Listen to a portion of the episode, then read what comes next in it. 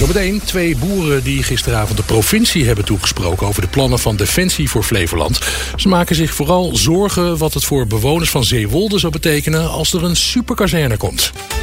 Twee boeren hebben gisteravond de provincie toegesproken... over de plannen van Defensie voor Flevoland. Een daarvan is Carolien Den Brok, die een melkveebedrijf in Zeewolde heeft. De grond van haar boerderij wordt als optie genoemd in de plannen van Defensie. Tijdens de Statencommissie werd gesproken over de vraag... hoe de provincie moet reageren op de plannen. Den Brok had een shirt aan met erop de tekst ongeschikt... verwijzend naar een oude reclameboodschap van Defensie.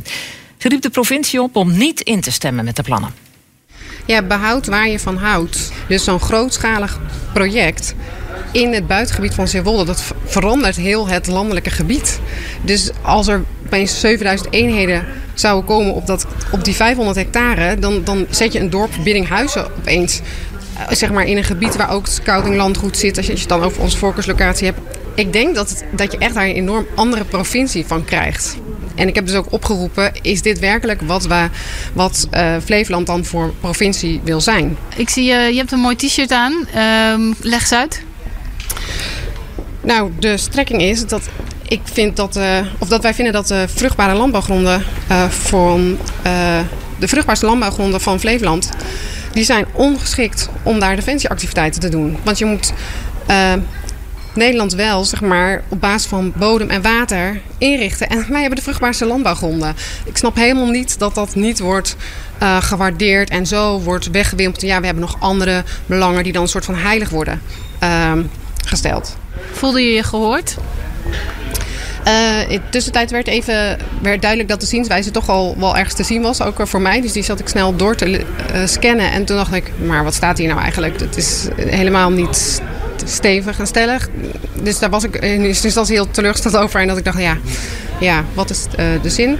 Maar gelukkig kwamen er wel van de statenleden daarna veel uh, kritische vragen, opmerkingen om dingen mee te nemen. Dus nou, dat, ik ben blij dat dat aangevuld wordt in de zienswijze die de provincie in gaat dienen bij Defensie. Ook Huip Rijk, biologisch akkerbouwer uit Zeewolde, gaf een toespraak. Zijn zoon heeft inmiddels het bedrijf overgenomen, maar hij woont zelf nog in het beoogde gebied van Defensie.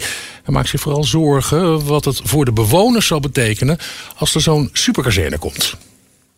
Er is vooral heel veel uh, onzekerheid, onduidelijkheid. En ja, eigenlijk, eigenlijk kunnen we er heel weinig van zeggen. Uh, en er is wel een grote wens om die duidelijkheid wel te hebben. Vanuit Defensie met name. Wij hebben van Defensie uit eigenlijk niks vernomen. Wel vanuit de, de, gemeente Dronten. Waar bent u bang voor? Nou, uh, vooral dat er uh, heel veel uh, spanning komt op de sociale verhoudingen.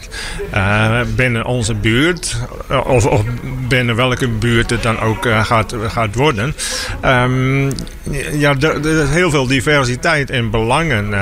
vooral het grote verschil in belangen zie ik tussen degenen die eventueel ehm, moeten verplaatst worden en degenen die, die in de buurt blijven en dan geconfronteerd worden worden. Met bijvoorbeeld een kazernerecht tegenover hun, uh, hun woning of het bedrijf. De Heres Hogeschool is blij dat er eindelijk een plan van aanpak ligt om Almere voor te bereiden op verdere klimaatverandering. De gemeenteraad praat vanavond over de negatieve gevolgen daarvan en wat er dan tegen te doen is. En daarmee is de raad volgens docenten van de hogeschool geen dag te vroeg. Eindelijk, als je het in één woord wil uh, samenvatten. En het is ook hoog uh, noodzakelijk uh, dat die visie er uiteindelijk nu uh, er is. Als je kijkt naar het weer, het wordt steeds extremer. Het wordt natter, het wordt droger en het wordt warmer. En die wisselen elkaar ook steeds meer af. Klimaatverandering is een feit. Tientallen wetenschappelijke onderzoeken wereldwijd bevestigen dat keer op keer. Groeistad Almere schaart zich achter de zogenoemde 330-300-methode voor het inrichten van stadswijken. Ja, dat is dus een vuistregel, een hele simpele ook en heel effectief daarom. Dat je vanaf de het huis uh, zicht hebt op drie uh, bomen, tenminste. Dat, je, dat er tenminste 30% schaduw is in de wijken. En dat er binnen 300 meter afstand een park of ander soort uh, groen is. Waar mensen naartoe kunnen gaan als het bijvoorbeeld heel erg warm is. om verkoeling op te zoeken. Een mooi uitgangspunt voor de toekomst. En volgens lector Spanjer zeker te realiseren in een stad als Almere. Nou, het fijne is dat Almere een hele groene, waterrijke stad is. En alleen zie je wel nog wat plekken hier en daar, zeker als je kijkt naar de straten, die kunnen nog veel groener uh, worden. Uh, Almere is steeds meer ook in beweging, komen meer woningen bij. En volgens mij, als je dat vanaf het begin bij nieuwe ontwikkelingen meeneemt, als de regulering moet vervangen moet worden of als een nieuw woonwijk ontstaat, dan kan dat zeker. Maar het kost wel tijd. En ook geld en ook geld. Dus je moet het zo zien dat deze visie is heel mooi dat die er nu is. Dat zijn de eerste stappen die uh, gezet worden. En uh, uiteindelijk moet er uiteraard nog veel meer geld bij om uiteindelijk Almere heel erg klimaatrobuust in te richten. De gemeente Almere is al begonnen om samen met de Eres Hogeschool en andere partners grote parken te ontwikkelen in de stad. Juist om coole plekken te realiseren. En dan toch nu, anno 2024, een complete visie op de klimaatverandering in Almere. Het is niet zo alsof we nu pas gaan starten en dat de gemeente nu pas start. Maar die koers is al eerder ingezet. Maar dit helpt heel erg om de neus op dezelfde kant op te krijgen. Hoe hou je de stad leefbaar? Het is volgens Spanjer vooral samen doen met een hoofdrol voor groen. Veel meer groen, uh, tegels eruit. Je ziet hier een groene gevel in plaats van steen. En dat helpt uiteindelijk voor buiten- en binnenklimaat uh, beter te reguleren. Wat was er gisteren op radio en televisie? Wij praten hierbij. Pieter Ontzicht ligt onder vuur nu hij de formatiegesprekken heeft verlaten. In op 1 zei oud-Partij van de Arbeid fractievoorzitter Jacques Wallage... dat de spanning en verschillen tussen Wilders en Omzicht mee hebben gespeeld in het besluit van Omzicht. Ik denk dat, dat bij Omzicht zoiets is gebeurd van... ja, nu heb ik ook niet de goede gegevens op het goede moment gekregen. En ik denk, nee, en ik zie ook bovendien dat het heel ingewikkeld wordt. Laten we deze fase maar eens even afsluiten. Uh, en, en kijken hoe het verder moet. En hoe het verder moet bepaalt de Kamer. Hè. Niet alleen uh, Wilders of niet alleen deze drie partijen... maar dat hoort een open debat te zijn in de Kamer. Hoe gaan we nu verder? Volgens Wallaga had Omzicht ook weinig vertrouwen in de informateur. Ik vind het ook nu heel belangrijk dat een informateur precies vaststelt wat de partijen inbrengen en wat ze vinden. En het feit dat om zich heeft gezegd, zet er nu maar een streep onder, betekent dat hij zich ook niet veilig heeft gevoeld dat zijn opvattingen over hoe de procedures horen te zijn, recht werd gedaan. Anders doe je dat niet. GroenLinks PvdA Tweede Kamerlid Mohamed Mohandis kon lange tijd niet zwemmen omdat hij op jonge leeftijd niet mee kon komen. Nou, op aandringen van zijn dochter en door een bijna ongeluk met zijn zoontje besloot hij op 38-jarige leeftijd zijn zwemdiploma te halen. Vertelde hij bij Humberto. Mijn zoontje Ryan, uh, die is acht en uh, we stonden op de kinderboerderij en uh, echt in een flits. En mijn zoontje was ik even kwijt. Het was een seconde de plons. Ik zag alleen maar twee voetjes. En ik trok hem er gelijk uit, dus dat ging goed. Dus ik hoefde niet in het water. Maar wat toen daarna wel door mijn hoofd bleef gaan. Stel je valt in een Goudse gracht. We wonen in een waterrijk land. Ja, dan wil je je kind redden, maar je moet jezelf ook kunnen redden. Nu Mohandes in het bezit is van zijn A, B en C diploma... wil hij ervoor zorgen dat iedereen makkelijker toegang krijgt tot zwemles. We vragen al langer van maak nou weer uh, het behalen van een zwemdiploma... laat het een publieke taak zijn. Eigenlijk zijn we dat, voelt zich niemand eindverantwoordelijk om genoeg aanbod te hebben. Het aantal zwembaden in Nederland afgezet tegen de bevolkingsgroei krimpt. En dat gemeenten, rijk, scholen samen ook zorgen dat iedereen dat diploma haalt, maar dat dat, dat, dat leeftijdstaboe er ook afgaat. En ik vind echt dat we als politiek uh, weer een, uh, ja, gewoon een publieke taak voor moeten maken. Ik voel me wel een klein beetje aangesproken. Heb jij geen zwemdiploma dan? Nee. Meen je dat? Ja. Kan je wel zwemmen? Ik kan wel zwemmen, ja. ik heb geen zwemdiploma's. Oh, echt waar? Ja. Ja, ik heb uh, A, B, C.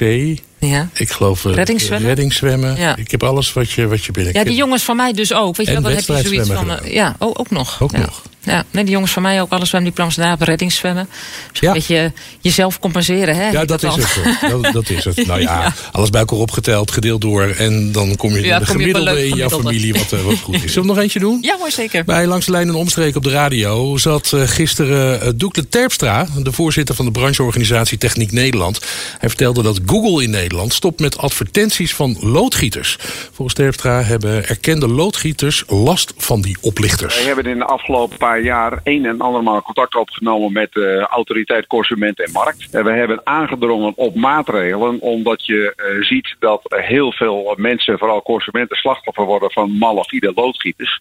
Die heel erg goed in staat zijn om uh, met name de zoekmachines op een goede manier te bespelen. En ervoor te zorgen dat ze altijd met een advertentie bovenaan komen te staan. Daar heeft de ACM nu op ingegrepen. En Google die uh, honoreert die wens en daar zijn wij dus heel blij mee. Ja, de reden voor het besluit is de toename van het aantal mensen dat slachtoffer werd van malafide loodgieters. Mensen worden gewoon belazerd als erbij staan. U moet zich voorstellen wat er bij u zelf kan gebeuren. U hebt een acuut probleem. U hebt uh, direct iemand nodig.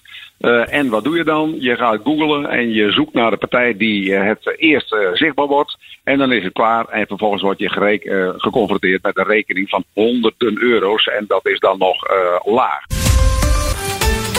De Nederlandse Voedsel- en Warenautoriteit heeft een bakkerij gesloten in Almere buiten vanwege slechte hygiënische omstandigheden. Ook waren drie illegale werknemers aanwezig. Ja, we praten erover met verslaggever Adi Meijer. Adi, vertel, wat was er nou aan de hand? Bij de arbeidsinspectie waren meldingen binnengekomen over slechte arbeidsomstandigheden. En daarop heeft de inspectie een controle uitgevoerd. En dat deed de arbeidsinspectie trouwens samen met de politie, UWV, de Nederlandse Voedsel- en Warenautoriteit en de gemeente Almere. Dat is vorige week al gebeurd, maar nu pas bekendgemaakt. Ja, en de brandweer moest uitdrukken, toch? Dat klopt, want bij de start van de controle werd er een te hoog koolmonoxidegehalte gemeten. Met andere woorden, een gevaarlijk gas. Daarop moest iedereen het pand verlaten en heeft de brandweer de fabriek schoongeblazen. Het personeel is opgevangen op een andere locatie. Daar is ook gesproken met de werknemers en bleek dat drie personen niet beschikten over een geldige werkvergunning. Na schoonblazen van het pand door de brandweer kon de arbeidsinspectie de controle hervatten en zijn machines aangetroffen waarvan bewegende delen onvoldoende of niet waren afgeschermd. En dat kan voor gevaarlijke situaties zorgen bij de werknemers. Daarnaast bleek ook de risicoanalyse van het bedrijf verouderd. Voor al deze zaken heeft de werkgever een boete gekregen. Ja, en wat vindt de eigenaar van de bakkerij hier allemaal Het is van? niet bekendgemaakt om welk bedrijf het gaat. Maar aan de hand van de meldingen van onder meer de brandweer konden wij achterhalen dat het gaat om een onderneming aan de Vlotbrugweg in Almere Buiten. De eigenaar van een Arabische bakkerij op dat adres hebben wij gesproken, maar hij ontkent dat het om zijn bedrijf gaat. Hij zegt dat het gaat om een ondernemer in hetzelfde pand. En dat deze broodbakkerij nog altijd is gesloten. De eigenaar van dit bedrijf hebben we nog niet gesproken. Het nieuws van eh, buiten de provinciegrenzen dan. Universiteiten willen dat er meer in het Nederlands lesgegeven gaat worden en minder in het Engels.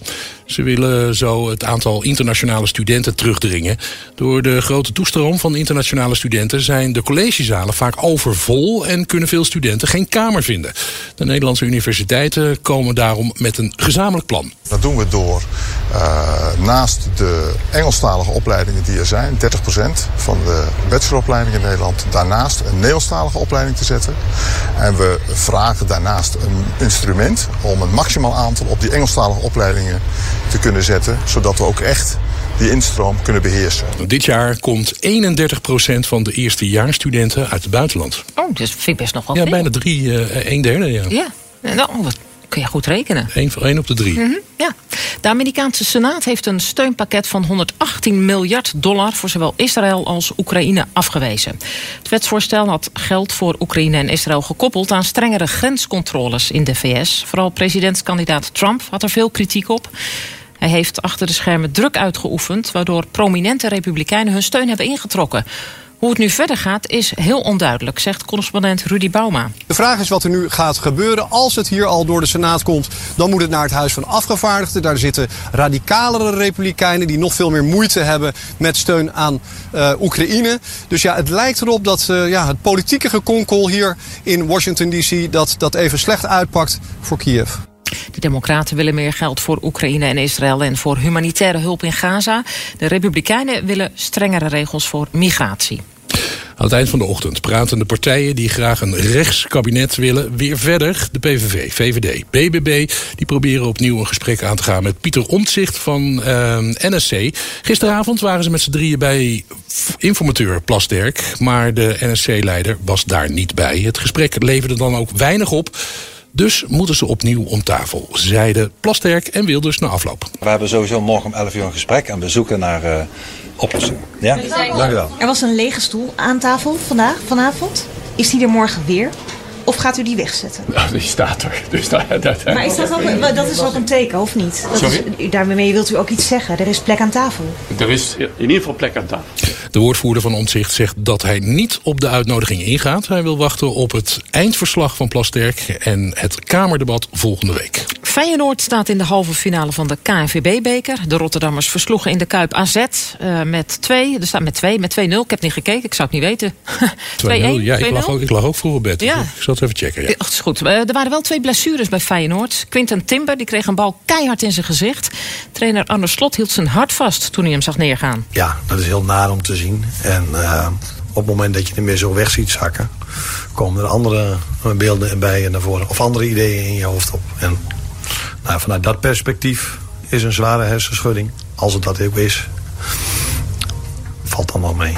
2-0 was het. 2-0, oké, okay, had ik goed gegokt. Goh, ja, hij zegt, valt wel mee. En, en, en, uh, ja, die koppen die gaan af en toe zo hard tegen elkaar. Joh, ik heb dat één keer gehad in een oefenpotje met, die, met die jongens van mij. Weet je wel, bij die voetbalclub waar ze toen zaten. En dan op een gegeven moment, hè, bij de afsluiting van het seizoen... ga je dan als ouders tegen elkaar voetballen. Dus een van die vaders die haalde uit. Ik kreeg die kaart en ik zeg, maar dat doet zeer. En dat is natuurlijk nog geen, geen verhouding met die snelheid... bij het, bij het voetbal hier waarmee geschoten wordt. En toen had je hersenschudding. Ja, dat heb ik nog steeds. ja. Dat was het, hè? Dat was hem.